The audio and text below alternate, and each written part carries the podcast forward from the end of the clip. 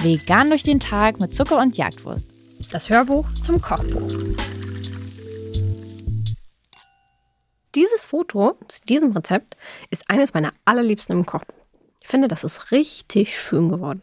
Ja, und hättet ihr gedacht, dass das, was ihr da auf diesem Foto seht, dass das gar keine veganen Würstchen sind, sondern Möhren? Ich glaube nicht.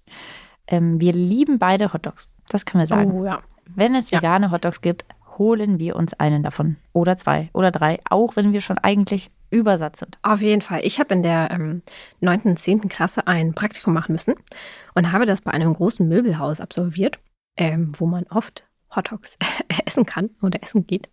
Ähm, und das war tatsächlich einer der Gründe, wieso ich den gegangen bin.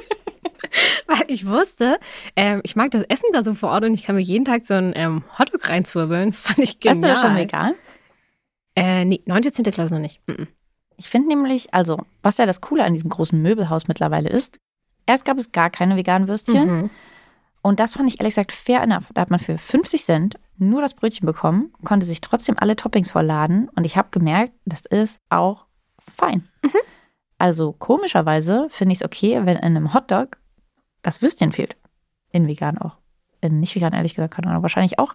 Also ich finde diese Kombi aus allen Toppings, wenn man sich da seine Lieblingsvariante äh, zusammenstellt, finde ich ehrlich gesagt, ist es auch okay, wenn das Würstchen fehlt. Mittlerweile gibt es ja in besagtem Möbelhaus auch vegane Würstchen, so Gemüsewürstchen, glaube ich. Mhm. Und dennoch kostet es weiterhin 50 Cent.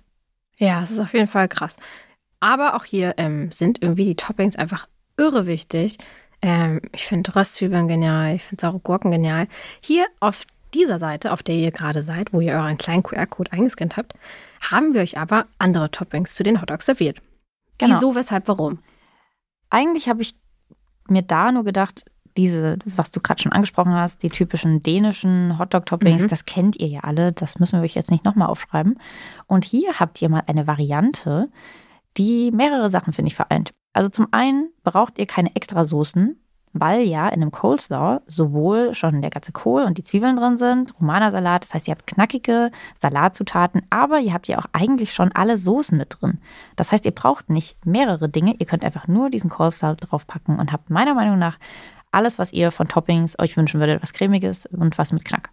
Andererseits könnte man natürlich auch diese Carrot Dogs am Grill machen. Das seht ihr ja, wir haben da so kleine Grillstreifen drin. Bei uns kamen die ehrlich gesagt von einer Grillpfanne, aber sollte gerade Sommer sein und ihr grillt draußen, dann könntet ihr unsere kleinen Möhrchen, von denen wir gleich mehr erzählen noch, auch auf den Grill packen. Und dann wiederum ist ja auch ein Coleslaw generell ein guter Salat zum Grillen. Absolut. Ich denke dabei auch an unsere zwei letzten Sommerfeste, die wir im Büro geschmissen hatten.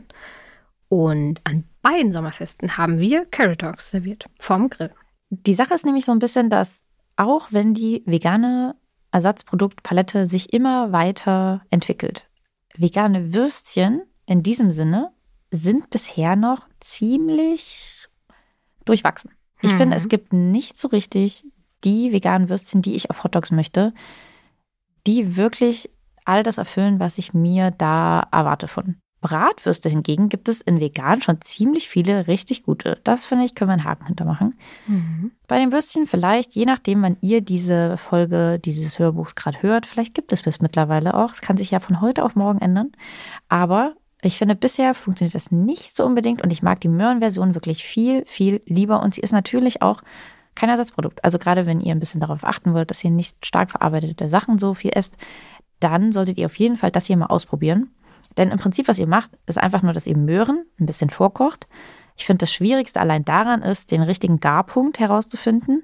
Denn nachher werden die ja nochmal entweder gebraten oder gegrillt. Das heißt, ihr solltet darauf achten, dass die Möhren noch nicht super weich sind. Also ich finde, ein guter Punkt ist, ihr lasst die köcheln und ihr piekst immer mal wieder mit einer Gabel rein.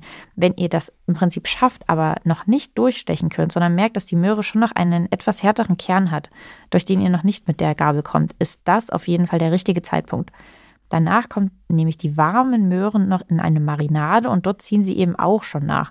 Dann werden sie eben noch angebraten. Das heißt, es ist natürlich alles halb so wild. Wenn die Möhren zu weich sind, dann sind sie halt zu weich. Aber ich finde für den richtig schön Biss, der noch ein bisschen Knack hat, ist es eben schon essentiell, dass ihr am Anfang die Möhren noch nicht zu lange köcheln lasst. Die Marinade besteht dann im Prinzip auf diversen Zutaten, die alles so ein bisschen deftig machen. Also wir bringen Salzigkeit durch die Sojasauce rein. Liquid Smoke ist so ein Raucharoma. Das bringt auf jeden Fall eine kranke, einen kranken Rauchgeschmack mhm. rein. Wir verwenden auch relativ viel hier. Das gefällt uns sehr gut. Wenn ihr das weniger mögt, könnt ihr auch weniger davon verwenden. Wenn ihr es gar nicht findet, müsst ihr es auch nicht reinmachen. Aber es macht auf jeden Fall einen Unterschied, ob ihr es verwendet oder nicht. Äh, ihr findet es in wirklich großen, großen Supermärkten, aber ich finde eigentlich wahrscheinlich bisher weiterhin online seid ihr da am besten bedient, vor allem um dann auch noch ein äh, veganes Raucharoma zu finden. Gibt es aber dann auch in ziemlich großen Flaschen. Also ihr kauft das dann einmal und ihr könnt es dann wirklich sehr lang verwenden, weil man eigentlich auch nicht so viel braucht. In dem Fall nehmen wir mit zwei Esslöffeln tatsächlich schon relativ viel generell als Menge, weil es aber auch ja sich eben um vegane Würstchen handelt. Das heißt, da will man dieses Raucharoma verstärkt haben. Wenn ihr das später mal zu irgendeinem Tofu gebt, um ein leichtes Raucharoma einfach nur kreieren zu wollen, braucht ihr bei weitem nicht so viel. Ansonsten kommt da noch ein bisschen Essig rein, ein bisschen was für die Süße, Senf, immer super für solche Sachen, ein bisschen äh, Gewürze, aber generell könnt ihr natürlich auch bei der Marinade ein bisschen gucken, wie euch das gefällt. Und das ist dann sozusagen der Teil, wo hier eine Marinierzeit von acht Stunden reinscherbelt. Denn mhm. damit diese Möhren wirklich durchzogen werden, gebt denen so viel Zeit wie nur möglich. Ich würde es am besten am Tag vorher einfach schon machen. Ich sage, das ist ja auch, das könnt ihr alles nebenbei machen, wenn ihr noch andere Sachen kocht oder so. Einfach diese Möhren einfach mal äh, schälen, köcheln lassen, diese Marinade in der Zwischenzeit anrühren und danach packt ihr das so einfach beiseite und das Ganze kann ziehen lassen. Am nächsten Tag müsst ihr eigentlich nur noch eure Möhren anbraten, denn auch den Coleslaw könnt ihr super gut am Tag vorher zubereiten. Genau, also im Endeffekt ist es ja ähm, ein kleines Hotdog-Brötchen, in dem sich sehr viel Gemüse verbirgt. Ist also sehr gesund. Unsere ähm, Art von Hotdogs, wie wir sie gern essen. Und im Prinzip könnt ihr fast unser ganzes Kochbuch auch als Topping verwenden. Ihr könnt diese Balsamico-Zwiebeln zum Beispiel aus dem Rezept von Schnitzel. davor benutzen. Ohne Mist, ich habe schon auch in vegan, vegane Hotdogs mit Mac and Cheese gegessen als Topping. Oh, stimmt. Ja, ist so ein Ami-Ding. Und mhm. es gibt ja auch Bolognese-Hotdogs. Ja, also mhm, es gibt viel. Ihr könnt stimmt. mit diesem Rezept und einem anderen Rezept eurer Wahl aus dem Kochbuch, da könnt ihr einen, also einen crazy Hotdog richtig machen. Aber mit Basis von Möhren. Also das wirklich lege ich euch ans Herz. Testet das unbedingt mal aus für den nächsten Grillabend oder auch irgendeine Party, die ihr demnächst schmeißt.